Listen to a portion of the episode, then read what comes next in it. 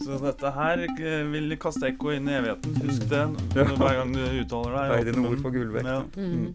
Eh, se i nåde til meg, syndige menneske, og velkommen til Nyhus og Dokka, en podkast fra vårt land. Hvordan har du det egentlig, Åste?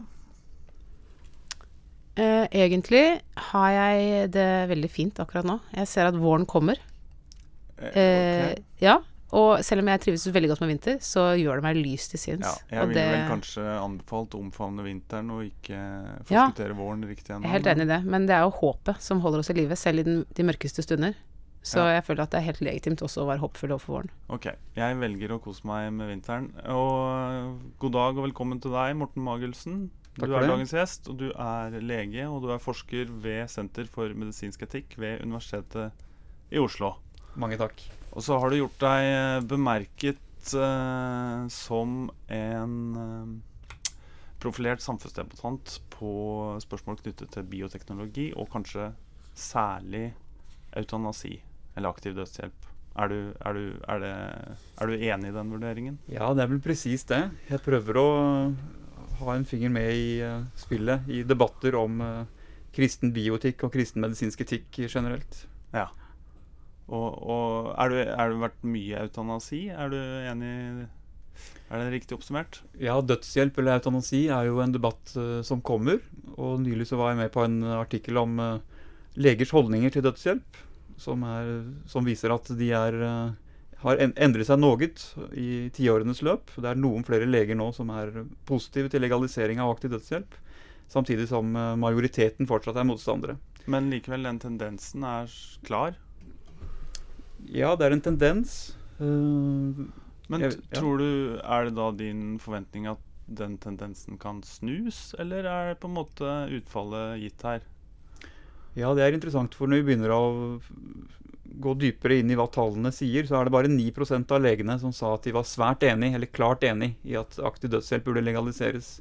Mens det er eh, ytterligere par og 20% som er litt enig i det. Og da er det vel sånn at de som er litt enige eller litt uenige, og er liksom i midten, de er i en vippeposisjon, og de kan være påvirkelige av argumenter.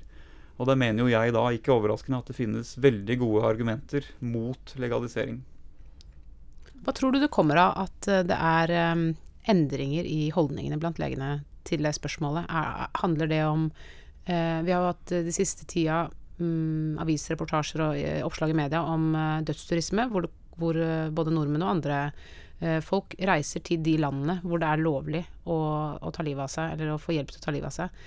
Eh, er det de fortellingene som gjør at eh, legene endrer synspunkt, eller handler det om mer sånn indre, eller ikke indremedisinske, men altså eh, debatter som går innad blant medisiner og leger? Jeg tror faktisk ingen av delene. Men aller først vil jeg presisere at eh, jeg synes jo det viktigste funnet i undersøkelsen er at en majoritet er motstandere av legalisering. Det er klart, eh, Fra medienes logikk så er det mest interessant dette at det er en utvikling i retning at flere er, eh, støtter legalisering, men, men hovedfunnet er altså at legene fortsatt er mot. da. Men hvorfor er det en utvikling? Hvorfor er flere leger eh, positive til legalisering? Der tror jeg det viktigste svaret er at de ikke er uberørt av den generelle tendensen i samfunnet om, eh, om at uh, man er liberale, og man overlater flere og flere uh, etiske avveininger og spørsmål til folk flest og til enkeltpersonene. Opplever du å være en, en motstrømstemme i dette her? Ja, altså Jeg mener jo at jeg står for en slags klassisk kristen bioetikk eller medisinsk etikk. Og da er jo den i mangt en motstemme stemme til, til liberalisme og til eh, at man privatiserer etiske spørsmål. Så derfor blir den også kanskje upopulær i vår tid. For at den kommer med, kommer med noen eh, litt klare påpekninger. At ikke alt er like bra, og ikke alle preferanser og alle, ikke alle syn er like, like godt begrunnet. Ja, så Er det sånn å forstå at du eh, er det, er det, Kan dette merkes som en påkjenning? Eh, er det sånn? Er det så ille? Er du så utsatt? Nei, det vil jeg ikke si. Men det er klart jeg går inn i samfunnsdebatten vel vitende om at uh, en kristen biotikk er noe motstrøms, da. Det er noe som, uh, som uh, ikke så mange andre enn de kristne selv heier på. Men jeg mener at jeg er ikke minst opptatt av de allmenne argumentene som ligger i en klassisk kristen etikk. Og mener derfor at vi har veldig mye å komme med til samfunnsdebatten generelt, og ikke bare for kristne. Du har jo alliert i denne debatten. Jeg tenker særlig på Morten Horn. som argumenterer på, på rent sekulære premisser, og det gjør Mm. for så vidt du også. Mm. Uh, men uh, er det slik at du har et uh, Har noen ressurser og et sånn reservoar som du kan nære deg på, som han ikke kan nære seg på? Ja, det tror jeg nok. Men det mest slående er det du sier der med at, eh, med at eh, jeg også argumenterer allmennetisk og kommer langt med det. da. At Morten Horn og jeg, altså Morten Horn som er humanetiker, eh, og jeg som er kristen, vi har 95 eller 98% av argumentene felles, antagelig. Og så har jeg kanskje noen ekstra argumenter eh, som springer ut av kristen etikk. Og det handler kanskje særlig om dette med eh, det moralske forbudet mot å ta liv, som er eh, lettere å begrunne eh, som en prinsipielt eh, etisk regel for en kristen enn for en sekulær, ikke-religiøs person. Men det slående er altså at de allmennetiske argumentene er de dominerende og er så sterke. Og det kan være argumenter som at legalisering av dødshjelp vil være et iskaldt signal å sende til de som opplever at de, er, at de ligger til byrde. Og det er dette med press på de svake, og så er det det rent medisinskfaglige argumentet om at det tross alt er mulig å lindre lidelse på en veldig god måte i de aller fleste tilfeller. Men Er det likevel er det argumenter du, må, du nærmest må legge igjen ved dørstokken hjemme som du, som du skulle ønske at du kunne ha med deg ut i offentligheten? Uh, ja, det er det. Ja, har du er eksempler på det? Ja. Ja. Ja, altså det er jo det er, I dødshjelpsdebatten så er det det nevnte argumentet om at uh, det å ta menneskers liv er galt i seg selv. Så det hører hjemme der. I andre debatter kan det være andre poenger. Det kan jo være i uh, debatten om utvidning av, uh, av tilbudet av assistert befruktning. Hvem skal få det? Så er det jo slik at det er kanskje lettere, å, lettere å argumentere for mor, far, barn kjernefamiliens posisjon ut fra et kristent eh, verdensbilde, eller eh, i motsetning til ren, ut fra rent sekulære argumenter. Jeg, jeg, ofte, jeg jo Jeg liker Morten Horn veldig godt. Han er en veldig verdifull stemme. Mm. Særlig òg ettersom han kommer fra at han har det ståstedet han har. Samtidig så oppfatter jeg jo hans argumentasjon som ofte veldig tørr, eh, detaljorientert. Eh, og, og litt hemmet. Altså Den blir veldig opptatt av eh, avgrensningene som må ligge i lovverket, og at dette er veldig praktisk vanskelig å utforme osv. Eh, det Kan du kjenne på det samme? At det er en Mm. hemmet form for argumentasjon? At det mangler noe der? Jeg har veldig sans for Morten Horns argumentasjon, jeg også. Og argumenterer kanskje like hemmet, jeg også, eh, fordi jeg bruker de samme argumentene i mange sammenhenger. Men det er klart at, eh, at eh, det å tegne opp liksom det større bildet, da, hva slags verdensbilde, hva slags menneskesyn er det dette passer inn i, er kanskje mer nærliggende uh, for en kristen som har et eh, annet reservoar å øse av der. Mm. Mm. Men er Altså, jeg, jeg kan være litt mer sånn fatalistisk uh, Har noe mer fatalistiske tilbøyeligheter enn deg, kanskje. Jeg, jeg merker at det etiske rammeverket for denne debatten er slik i dag at dette går bare én vei. Jeg det, syns ikke det er min mening. Jeg syns du har et poeng der når det gjelder eh, kristenetiske spørsmål innen medisinen generelt. Men jeg syns ikke det treffer så bra innen dødshjelp, nettopp fordi det er så gode allmennetiske og medisinskfaglige eh, Men generelt da altså allmenne og sekulære argumenter mot den praksisen. Jeg kunne tenke meg å gripe fatt i noe du sa i stad om eh, liberalitet. At det er på en måte en eh, drivende eh, faktor i vår, vårt samfunns måte å forholde seg til en del av disse spørsmålene på. At vi er et liberalt samfunn, vil overlate eh, store avgjørelser til individet, eh, slik at man kan ta sine egne valg. Det gjelder selvbestemmelse i abortspørsmål, eh, hvor man liksom flytta avgjørelsen fra en nemnd til den gravide selv. Det gjelder, eh, det gjelder andre spørsmål, og det gjelder selvfølgelig når det gjelder eutanasi, assistert eh, selvmord, eller hva, man, hva det heter. Dødshjelp er min Dødshjelp er ditt- foretrukne ja, begrep. Mm. Eh, hvor man tenker, hvor, hvor det, det som ligger til grunn, er at det beste for oss er om eh, vi kan ta sånne type avgjørelser selv, at ikke de tas av andre. Eh, og det er jo mye sympatisk å si om den måten å tenke på, Mm. eh, som jeg som grunnleggende sett har sympati for. Men jeg, men jeg har jo også Det er jo noen steiner i den skoen også, tenker jeg. Og en av de tingene som jeg syns er eh, Som vi må snakke om, er jo spørsmålet om eh, For det første ta, vi tar jo ikke valg i et vakuum. Altså vi tar ikke sånne valg i et tomt rom. Vi er påvirka av det som skjer rundt oss, og eh, det vi kan oppfatte som selvbestemmelse, er kanskje like mye en refleks av hva samfunnet forteller oss, det er det ene. Og det andre, det handler jo om eh, spørsmålet om vi ikke også trenger em, en kollektiv samtale om de etiske valgene vi tar. Altså at individet Altså vi vet jo alle sammen at vi som mennesker, enkeltmennesker, tar utrolig mange dårlige valg. Eh, og, eh, sånn er det med alle. Ingen av oss er etiske eksperter, eller noen av oss er etiske eksperter, du er jo det. Men, men poenget er bare at den der voldsomme tilliten til at individet skal ta gode valg, eh, den tenker jeg at jeg ikke helt stoler på. Det er klart, jeg, har, jeg, har, jeg tenker jo at in, det er lettere å, kanskje lettere å leve med sine egne feilskjær enn å leve med andres feilskjær overfor en selv. Men evnen til å ta gode valg tenker jeg ikke nødvendigvis er noe høyere hos et individ enn hos et fellesskap. Mm. Jeg er enig i alt det du sa der. Det er klart, og det er også riktig som du sier, at det er noe grunnleggende sympatisk i at enkeltmennesker skal få bestemme selv. For hva er alternativet til det? Altså Vil vi stole på at staten skal ta valgene for oss og innskrenke våre handlingsrom? Nei, det er vel Ja, ikke eller noe grunn klanen. Mm. Ja, eller klanen, sånn som det er andre, i andre samfunn. Ikke sant? Så kanskje en politisk liberal innstilling til etiske spørsmål er det minst dårlige alternativet, sett fra et politisk perspektiv. da. Men medaljens bakside er jo nettopp det du er inne på, nemlig at, at uh, myten om det frie valget, altså hvor frie er vi egentlig, hvem er det som, som påvirker oss når vi former våre preferanser som vi da tar valg ut fra.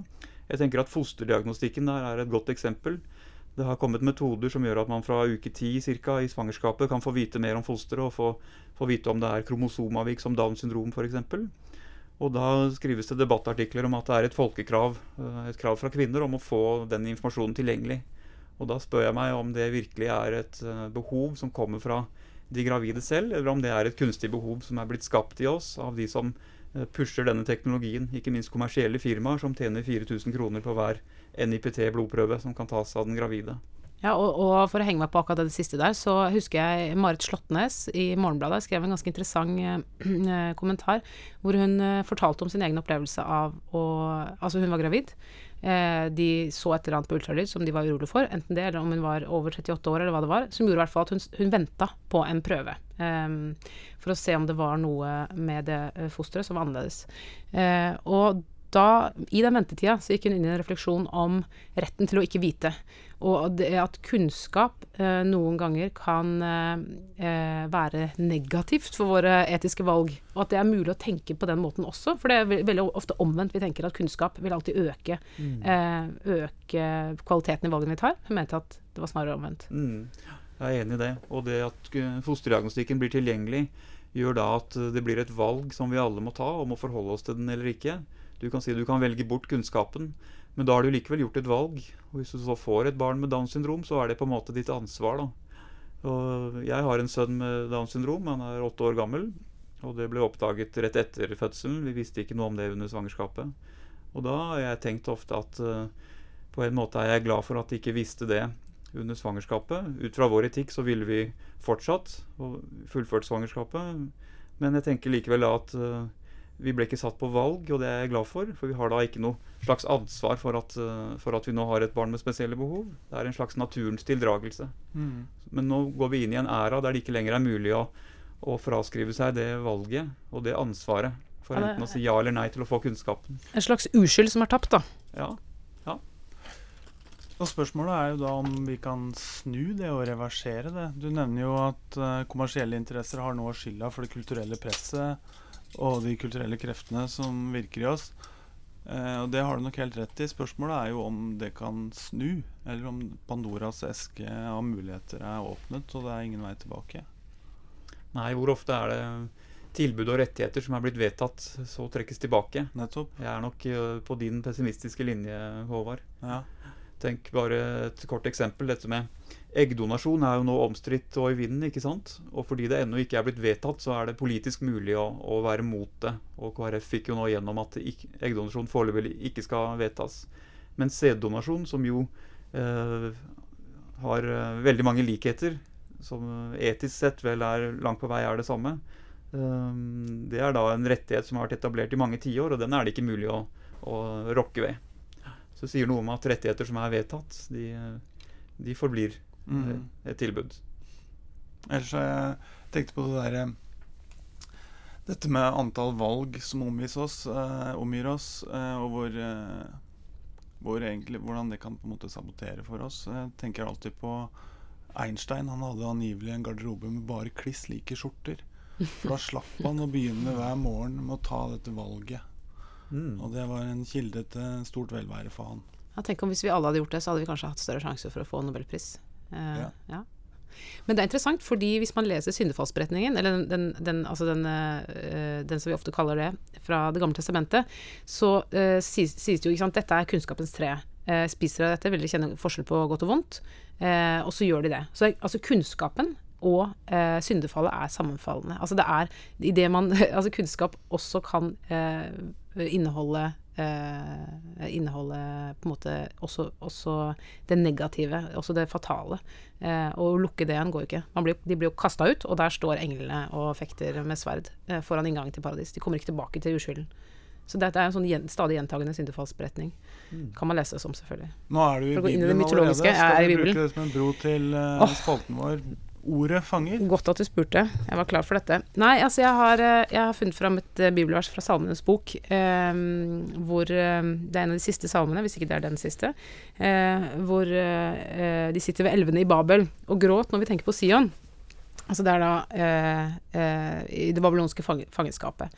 Og, og her er det hevnen som, som ligger i tanken til salmisten, må vi kunne tro. Eh, for da eh, sier han Herre, husk Jerusalems dag, da Edoms sønner sa Riv ned, riv ned til grunnen. Du datter Babel som er herjet, salig er den som gjengjelder det du gjorde mot oss. Salig er den som griper dine barn og knuser dem mot berget. Det var heftig. Det er heftig, og jeg tenker at det er eh, Jeg valgte dette bibelverset fordi jeg ville rote litt opp i det vi ofte kaller det kristne menneskesynet. Altså denne respekten for liv, som vi har eh, definitivt uh, arva fra den jødisk-kristne tradisjonen, men, men som likevel ikke er uanfektet, da. Heller ikke Bibelen. Eh, hvor kommer em, det som du kaller det, det kristne menneskesynet fra? Mm. Ja. ja, kanskje jeg er litt naiv på det punktet. Jeg har jo ikke studert teologi. Men jeg har tenkt i hvert fall eh, at når jeg prøver å forsvare menneskeverdet, og, og at det at det er galt å ta menneskers liv, enten i starten av livet eller på slutten av livet, så bygger jeg på en kristen etisk tradisjon som er utviklet gjennom århundrene. Og man kan bli litt katolsk av seg når man, eh, når man jobber med etikk på den måten. For det er klart eh, det er en spesiell rikdom i den tradisjonen som katolikkene har videreført i dag, som vi ikke er like bevisst på i andre kirkesamfunn. Men jeg har tenkt at jeg står i Når jeg da forsvarer eh, menneskeverdet, så står jeg i kontinuitet med hovedstrømmen i en kristen tradisjon. Men så er jeg åpen for å lære mer om at, eh, at det finnes andre uh, syn i den tradisjonen. Ja, for vi, er, vi, vi må jo medgi at, eh, at det er like mye blod på den kristne tradisjonens hender når det gjelder brudd mot menneskets verdi, som i den allmenne historien. Em, jeg så at Eivor Oftestad nylig har skrevet om eh, eh, krig i Guds navn i Klassekampen. Eh, om nettopp det, hvor, hvor religion er noe som driver oss ut i det uetiske eh, og tar liv. Um, Ja, ja, men for å si litt Men dette kristne menneskesynet som uh, motiverer deg, da, skjønner jeg. Mm. Altså, f f si litt mer om det. Hva er det Hvor er det denne motivasjonen henter sin næring? Nei, altså helt sånn banalt og grunnleggende for meg, så er det jo en tanke om at uh, kristen tro er sann. Og hva følger av det for etikkens del? Jo da, i menneskeverdsspørsmålet eller medisinsk-etiske spørsmål, så er det jo særlig denne tanken om alle menneskers likeverd, og at alle mennesker har rett til liv fra unnfangelse til naturlig død. Så det er mitt første og fremste premiss som jeg går inn i disse debattene med. Jeg tenker også det ligger en sånn eh, Det ligger noe i det, det som kirka kan fortelle verden eh, om hva et menneske er, som handler om sårbarhet, eh, som jeg syns er interessant. Fordi eh, vi har jo en tendens til å tenke om mennesket som autonomt, eller det ideelle mennesket som autonomt og suverent, eh, og som, en, eh, som at vi kan overkomme alt som er av lidelse, smerte og død osv. At vi har det i, i vår kontroll. Eh, men så er jo, det vet vel jo du som er, er lege, at er det noe menneske er, så er det sårbart. Eh, hvordan skal vi snakke Hvordan skal vi klare å komme til en kollektiv erkjennelse av at menneskelivet dypest sett er utlevert og utsatt? Da må jeg ta Ja, for det er vanskelig å kommunisere overfor Ja. i den norske offentligheten i dag. eh, Ja. De medisinske budsjettene øker jo og øker jo. Det er jo, det er jo ikke det er jo, Vi lever jo etter en logikk som sier at, Ja. At, at, eh, at det er helse og, og, og på en måte en slags form for udødelighet som er det ideelle. Altså helt inn i transhumanismen, hvor man ønsker å forlenge menneskers liv inn i det uendelige. ikke sant? Ja, og igjen så vil jeg gripe til fosterdiagnostikken for et eksempel som illustrerer det. Og det er at eh, jeg er redd for at altså Fosterdiagnostikken gjør jo en del bra når den kan eh, oppdage sykdom som kan behandles. Men samtidig så er den også, frykter jeg, i ferd med å selge en illusjon om at, om at vi mennesker er i kontroll, og vi, vi kan eh, redusere sårbarheten ned mot null. Og vi kan sikre oss at, eh, at barnet vi får, kommer til å få et godt liv. Men det kan vi jo ikke. Fosterdiagnostikken kan bare plukke opp en liten prosentandel av de eh, sykdommer som kan oppstå. Og, så jeg frykter at, at vi kollektivt har en overtro på hva som er mulig å få til gjennom teknologi, og særlig medisinsk teknologi, i det å redusere sårbarhet og det å endre menneskets grunnvilkår, da, slik at vi blir eh, herrer over livet vårt og kan styre eh, hvordan det utvikler seg. Og det får fram den pessimisten i meg igjen, fordi den, den rådende fortellingen er fortellingen om at mennesket skal maksimere velvære. Eh, og, og den kristne fortellingen står jo i skarp kontrast til det her. Og, eh, og, og hvis det er den du lener deg på, så så spør jeg meg om det i det hele tatt om denne fortellingen har sjans da. Om det er så sterke kulturelle føringer her at den kristne fortellingen om livets sårbarhet og Mm. at det gode livet er alt annet enn velvære, altså til og med forbundet med smerte og oppofrelse og forsakelser, at den fortellingen har rett og slett ikke sjans. Mm. Det er et Nei, stort spørsmål. Jeg skal ikke forlange Nei, men jeg tenker at uh, når kristen medisinsk etikk er på sitt beste, så opplever den som tar imot, lytter til eller, leser, at den snakker sant om livet. Og da kan det være en apologetisk effekt også av den måten å snakke om etikk på. Altså at folk blir tiltrukket av, av et kristent verdensbilde og kristen tro ved at, ved at her får de faktisk noe annet som, som uh, sier noe sant, og som er en alternativt narrativ til det som de serveres uh, til daglig. Ja. Er det, er det derfor du eh, kanskje kommer ofte tilbake til debatten om aktiv dødshjelp? For der, der opplever jeg at eh, kanskje denne fortellingen resonnerer litt bedre. For der er Ja. vi tross alt Mm. på dødsleie, og Mm. da er vi alle nødt til å komme til rette med at livet er jo ikke for, eh, er jo ikke bare en sånn oppadgående kurve. Og helt riktig, og det å ligge andre til byrde, det å gjennomgå lidelse, kan også paradoksalt nok eh, innebære mening. Så det, det erfarer mange, og det, det tror jeg er riktig. Jeg tror at kristen eh, bioetikk har, sitt sterkeste, har de sterkeste kortene på hånda, særlig i dødshjelpsspørsmålet. Ja. Men desto dårligere kort på hånda i spørsmålet om eh, disse NIPT-prøvene, bl.a.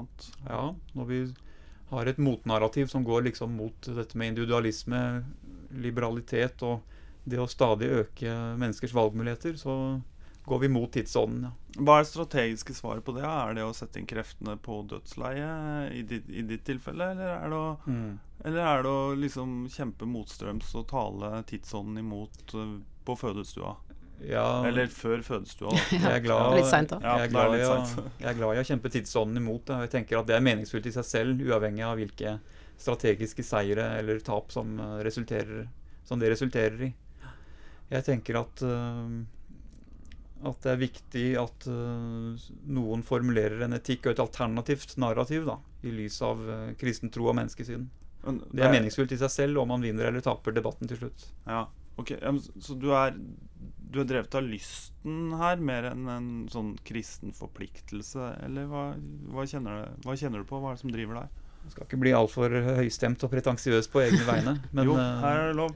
Ja, nei, altså Jeg er litt ydmykt her, men den kristne filosofen Alvin Plantinga, en amerikaner, han sier at en kristen tenkers fremste rolle er å prøve å være til nytte for, for det kristne samfunnet, eller for de kristne i samfunnet, på den måten at eh, at eh, man hjelper til sånn at man kan forstå stridsspørsmålene, forstå argumentene og deres styrker og svakheter, og ikke minst vise fram den etiske tradisjonen man står i, sine, sine styrker. da.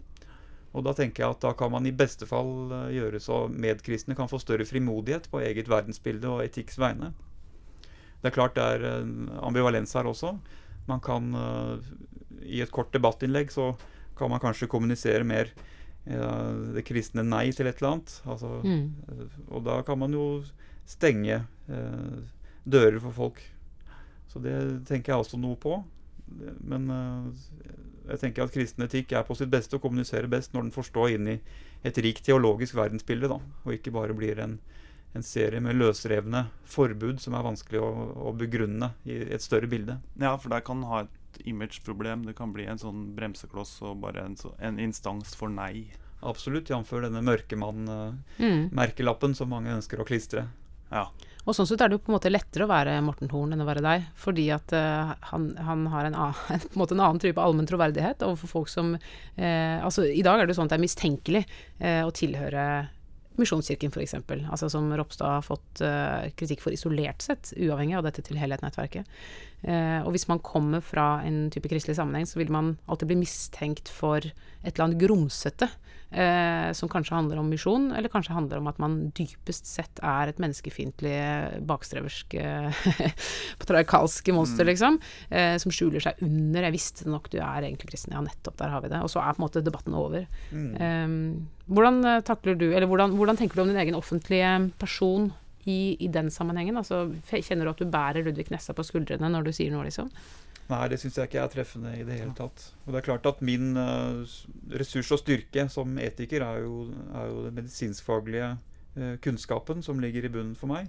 Så jeg får en troverdighet med det at jeg kan argumentere, og gjør det også, gjerne ut fra det medisinskfaglige og det allmenne. Og det er ikke noe tilsnikelse på en måte at jeg da som kristen etiker bruker de argumentene som er, som er eh, liksom mest populære å bringe til torgs. Men det handler om at kristen etikk jo langt på vei er allmenn, og at uh, gode sekulære argumenter jo også er gode argumenter i et, uh, i et kristent verdensbilde. Så, så du opplever ikke at motivasjonen din trekkes i, fri, i tvil fordi du har den faglige ballasten? Er det det du sier? Ja, altså Ja, jeg nyter godt av den faglige ballasten, ja. Og Ja. hva folk måtte tenke om min dypere motivasjon, er jeg ikke så opptatt av, egentlig. Du nevnte jo nå at du har en gutt som har down, Eller var det gutt? Mm. som har Downs syndrom. Eh, eh, onde tunger vil jo da kanskje kunne finne på å trekke det inn som en eh, relevant størrelse i debatten. Ja, og da syns jeg selv at jeg har et veldig godt svar. Og det er at eh, for meg så kom på en måte etikken først, og så erfaringen ved å få et barn med spesielle behov etterpå. Og jeg opplevde det å få eh, Selvfølgelig er det krevende når man har et barn med spesielle behov, og det er et sjokk og en omveltning, men jeg opplevde likevel at den etikken og menneskesynet jeg hadde, eh, ble bekreftet da, av, av, det, Mm. av den opplevelsen. Mm. Snarere enn at jeg måtte gå i meg selv og, og snu opp ned på mitt verdensbilde og etikk og, og menneskesyn. Jeg opplevde at den kristne etikken var god og ble bekreftet gjennom, å, gjennom den opplevelsen. Skulle du noen ganger ønske at du hadde eh, på en måte flere allierte? Eller er det, noen, er det noen du savner i den debatten som vi har? Eh, skulle ønske at eh, f- fagteologer f.eks. Oftere, oftere blanda seg i, i eh, medisinskfaglige debatter, altså Ja. etiske debatter. Det skulle jeg ønske. Jeg synes det er mange, for det første syns jeg det er mange gode allierte. Mange gode stemmer. Eh, men det er riktig, kanskje fagteologer, og ikke minst Den norske kirke som institusjon, skal jeg ønske kom oftere på banen. Og der har jeg tenkt som så at at det er forskjell på kirkesamfunnene. Tenk for eksempel, altså Vi har stått i den eh, striden om reservasjonsrett for fastleger. ikke sant?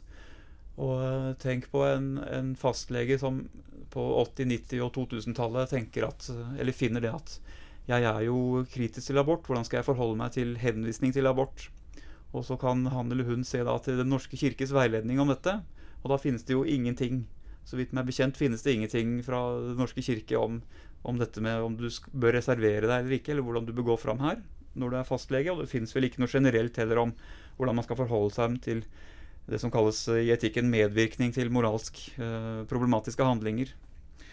Eh, så, så hvordan skal den kristne legen forme sitt syn? Jo, det er lite å få fra hans eh, hennes kirkesamfunn. Og det gjelder ikke bare Den norske kirke, men også de frikirkelige og andre kirkesamfunn.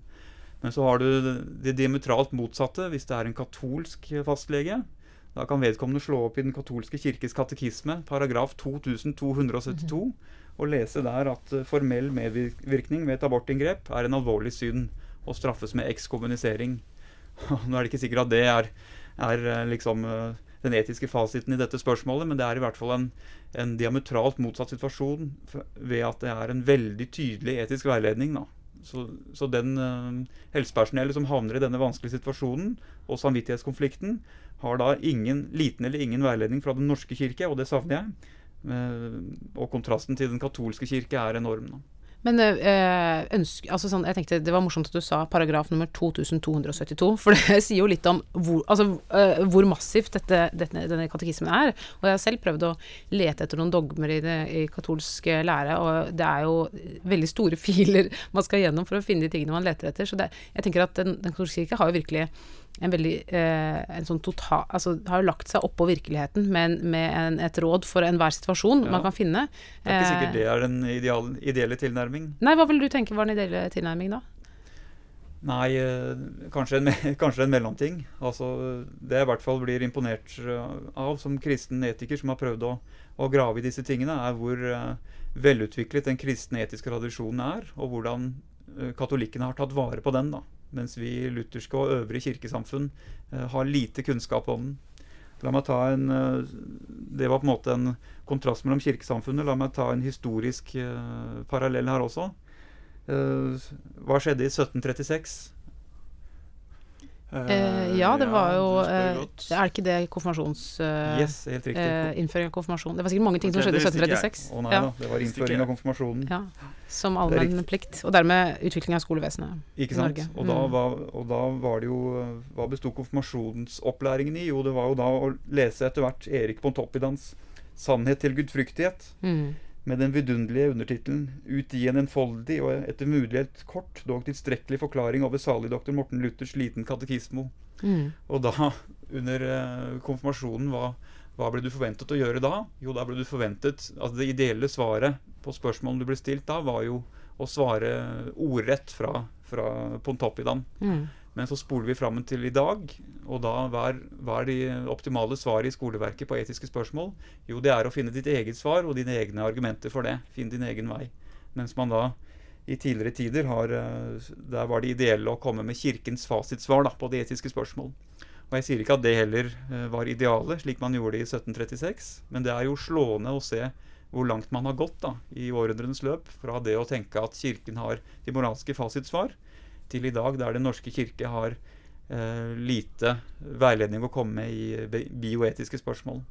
Mm. Ja. ja. Kanskje det er på tide at Den norske kirke rett og slett nedsetter en, eh, et utvalg for å jobbe med det. For jeg tenker at eh, eh, sånn som Den norske kirke fungerer når det gjelder altså, hva, er, hva er Den norske kirkes dogmatikk, altså hva er det vi lærer, så er det jo ingen eh, vedtatte eh, ting ut, altså, Vi har jo selvfølgelig bekjennelsesskriftene, som er ganske lite å hente eh, av, av, konkret veiledning, i hvert fall av ting som skjer i vår tid. Eh, og så har vi liturgiene. Som det, som det, som er vedtatt på kirkemøtet, som vi sier i ulike gudstjenester og kirkelige handlinger. Det er det eneste vi har vedtatt av hva som er Den norske kirkes lære. Og det er jo til både glede og frustrasjon at det er såpass på en måte læresvakt da, i Den norske kirke, i hvert fall sammenligna med eh, Den katolske kirke. Men samtidig så har man da samtidig flytta veldig mye av um, den teologiske tenkningen og den teologiske autoriteten ut til universitetet. At det, det er der det skjer, eller, eller de teologiske lærestedene. Uh, at det er der det skjer, og, og, hvor de autoritetene ikke har noen offisiell posisjon innenfor kirkesamfunnet, men likevel er de som på en måte setter premissene for uh, tenkninga. Mm. Uh, Syns du det er negativt at, at man har en desentralisert uh, autoritet, sånn sett? Nei, men det er kanskje kanskje mot TF og MF da, at jeg bør rette min henvendelse. Jeg vil ha flere på banen i etiske debatter derfra. Jeg syns godt du kan også rette den til Den norske kirke eh, og til Teologisk nemnd, at de nå bør eh, nedsette en, eh, et utvalg som skal se på biotikk. Eller så kan jo du rette den henvendelsen selv, da. Også. Jeg kan gjøre det. Jeg, for, ja. ja. Mm. Du har en, du har en stor talerstol, du også. Ja, sant det. Men jeg har lyst til å bare eh, dra Eh, en kort uh, historie om en helt annen måte å tenke om kristen uh, etikk eller kristen tenkning i samfunnet på. Fordi jeg, jeg hørt, uh, det, er, det, er, en som heter Rod Dreyer, som er amerikansk tenker. Kons altså konservativ politisk sett, men også kristent sett som har skrevet en bok som heter The Benedict Option. Kjenner du til den, eller? Ja, litt grann. Ja, mm. Og der, jeg skal, skal, ikke, skal, ikke, si at jeg har lest den, det har jeg ikke gjort, men jeg har hørt mye om den, hvor han argumenterer for at det kristne bør gjøre, er å lage en slags Noas ark eh, i samfunnet. At vi skal, vi skal bare gå om bord, og så trekke stigen opp etter oss, og sørge for at vi Vi får ordne det sjøl, det som vi syns er viktig. Vi får leve sånn som vi syns er rett, og så får samfunnet seile sin egen sjø. Um, er det en mulighet for oss? Mm. Jeg håper ikke det blir nødvendig. Men det er klart um, Noe av det han tenker på da, er vel, um, er vel uh, mulighetene vi har for å forme den oppvoksende generasjonen. da, Som er kanskje noe av det aller viktigste. Er det mulig i, når man lever fullt ut som medlem av vårt samfunn, å, å forme barna eller gi dem en god ballast? da, Sånn at de er utrustet til å bli gavns mennesker og gode kristne når de vokser opp? Eller er det, er det, da nødvendig å trekke seg tilbake og danne en sånt parallellsamfunn? Jeg håper ikke det er nødvendig. Jeg tror det ikke heller. Nei, og jeg syns jo det du sa i stad om at, eh, at kristen etikk er jo allmenn etikk, eh, taler mot den måten å tenke på. At ja. det er faktisk ikke en sånn særgreie, eh, men det handler om det alminnelige menneskelivet. Men det er fordi han har gitt opp og resignert og opplever at hans Dreyer? Ja, At hans uh, tanker ikke resonnerer, så da får det bare være? Jeg tror han har tenkt, Sånn som jeg har forstått det, så handler det mye om at, eh, at, eh, at historien så langt har vist at ikke det engasjementet har, har gagna noe uh, i USA. da, Det kristne, konservative engasjementet. Men uh, han har fått kritikk av også folk som han er enig med han i mange ting, bl.a. for at det privilegiet det er å trekke seg unna politikken, det er noe kun hvite, velstående mennesker kan gjøre. For alle andre rammes av politikken. Eh, og for dem så er det aldri et alternativ å la være å protestere på at eh, de må betale for vannet, eller osv. Så, videre. så det er jo klart at eh, han lever jo i en bestemt virkelighet uh, hvor han kan tillate seg å, å, ikke bry seg om verden fordi han har det så bra som han har det. Ikke særlig kristent? Er det det? Nei, jeg syns ikke det. Men jeg ble nysgjerrig på boka Lell. Ja, skal, vi, skal, vi, gyve løs på vår avsluttende spalte, folkens? Den heter uh, 'Bordet fanger'. Her vil jeg gjerne at uh, du har et forslag til tema som vil engasjere rundt bordet i et hypotetisk middagsselskap. Har du det? Ja. ja, jeg vet ikke helt. Jeg har jo um, ikke kanskje helt gjennomsnittlige preferanser for uh, samtaler rundt bordet i så måte. Jeg har et litt nerdete forslag, da, men som jeg likevel tror uh, bringer oss inn på noe veldig spennende. Det er å, å, spørre om det er en god idé at Norge og andre velferdsstater framover bør navigere litt mindre etter eh, BNP og litt mer etter å maksimere lykke. Bør, uh, bør statens oppgave være å maksimere befolkningens lykke? Det vil jeg spørre om. Det vil jeg gjerne, en sånn samtale, samtale vil jeg gjerne være med på. Ja.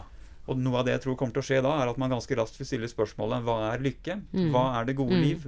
Og det er et spennende spørsmål. Det må vi utforske mer. Ja, Og kan ja. det løsrives fra, fra, pengene i det hele tatt? Altså, Er det mulig å snakke om de to tingene isolert fra hverandre? I hvert fall til dels, men uh, det er i hvert fall et mye mer interessant uh, spørsmål enn hva er BNP, og hva er uh, ja. Men det var for nerdete, ja. kanskje? Nei, nei, nei jeg fikk masse spørsmål. tanker i hodet samtidig. Du, jeg tenker jo, Det er jo dette med at um, det offentliges ansvar er å bygge dansegulv, og så får folk eh, danse på det hvis de, hvis de, vil. At det er en grense for hvor langt inn i folks liv staten skal strekke seg. Og hvis det også skal bli til uh, lykkemaksimering, så kan det bli ganske totalitært, da. Um, det er også et spørsmål om hva lykke er for noe, ja. og er det en kvalitet som lar seg maksimere? Altså konsekvensetikerne uh, tenker jo i den retning. Men uh, det er da helt avgjørende hva slags lykkebegrep man legger til grunn. Da. Er det subjektiv velvære, f.eks.? Nei, jeg tror ikke det er særlig klokt. Og jeg er da inspirert av, eh, av en minibiografi jeg leste nylig om den sovjetiske forfatteren Vasilij Grossmann, der uh, biografen skriver at uh, han døde ulykkelig, men likevel levde han et godt liv på den måten at han, selv om han levde i Sovjets skrekkvelde, så klarte han å snu seg stadig mer mot sannheten og det å formidle sannheten. Så han fikk et overordnet livsprosjekt som sto i det godes tjeneste, nemlig å formidle sannheten om livet i, i Sovjet. Eh, men han døde ung og ulykkelig like fullt. Ja, det var jo eh, så Dette det, var en debatt for et par år siden hvor en som trakk fram at hvis du ser på hvordan småbarnsforeldre har det, så scorer de ganske lavt på lykke, men de scorer ganske høyt på mening. Ja. Eh, og jeg tenker jo at det er ganske relevant, da. Altså, er, det lykke eller mening? Det er et livsprosjekt. Ja. Mm. Der er du inne på noe. Mm. Ja. Det er ikke lykke som bør styre Men det lar seg ikke kvantifisere slik BNP lar, vet du, så det er, det er, vel vanskelig for politikerne å ha det som et styringsmål. Tipper Dagfinn Høybråten kunne klare å finne på en skala for deg, tror du ikke det? Jo, kanskje han. Eh, skal vi ta meg? Mitt yes. Eh, tema er utroskap. Uh, det, kan gøy, er, det kan bli gøy rundt bordet. Ja, det kan bli gøy. Kan bli, kanskje noen ser beskjemmet ned òg, for alt jeg vet. Um, men uh, tesen er vel da at uh, ettersom geistligheten og dommerne og jussen har, har på en måte abdisert fra dette rommet som håndterer utroskap, så har det blitt et rent moralsk anliggende. Og på den måten så har det, har, er det som om noe er blitt forsterket, og det har blitt på den ene siden en, et nærmest et sånn en sånn krakilsk fordømmelse av det. Jeg tenker på den siste episoden av Tus, hva heter det igjen da? Eh, Tusvik og Tønne. Tønne. Som har et sånn helt sånn rabiat angrep på utroskapen som synd og institusjon. Og så har du på den andre siden eh, type Ole Martin Moen som forsøker å redefinere utroskap til noe som er godt. At monogamiet er ondt, og utroskapen er god. Eh, så vi, vi, famler i dette rommet ettersom eh, prestene og jussen har forlatt det. Så står vi her og famler og vet ikke riktig hva vi skal gjøre. Ja, jeg tenker at begge de to, uh, begge de to um, eksemplene du trakk fram der om at uh, Det er jo ytterposisjonene, da. Ja, ikke sant. Ytterposisjonene. De, begge to prøver jo å finne årsaken til problemet. Altså, ikke sant. Ole Martin Moen, monogami er årsaken til problemet. Mens Tusvik og Tønne da sier utroskapen som er årsaken til, til ekteskapsproblemet. Men sannheten er nok antageligvis at det ligger Du vil aldri vil finne en, en samlivsform som eliminerer trøbbel og dritt, og at det er, det er det er noen sånn underliggende faktorer da, som, som uh, vil gjøre det vanskelig uansett hva du velger. Kanskje det, det kristne og mer robuste uh, etikken. Som tar sårbarhet. høyde for alt dette her. Mm. Alt som er vanskelig og kinkig og ikke lar seg sette på formel. Mm. Ja, det er Godt oppsummert. Ja. ja. jeg har da det, jeg synes jeg, Nå skal jeg rote litt i det igjen. Fordi jeg, har en, jeg, jeg skal bare lansere en liten fun fact eh, rundt middagsbordet. Og det er Luther ga jo råd til folk, eh, bl.a. om ekteskap. Eh, og han, eh, han, svarte på et spørsmål som handla om hva skal et ektepar gjøre hvis mannen er impotent og de ikke kan få barn. Og da svarte han da, kone, da går du til din manns bror, ligger med han og får barn, og så sier du ikke til noen. Ja, ja. Og uavhengig om denne broren måtte være gift eller ikke? Ja, det, det, det, kan jeg ikke trekke fram fra erindringen, hva som Nei. lå i det. Men det er jo, eh, det er jo sæddonasjon, da.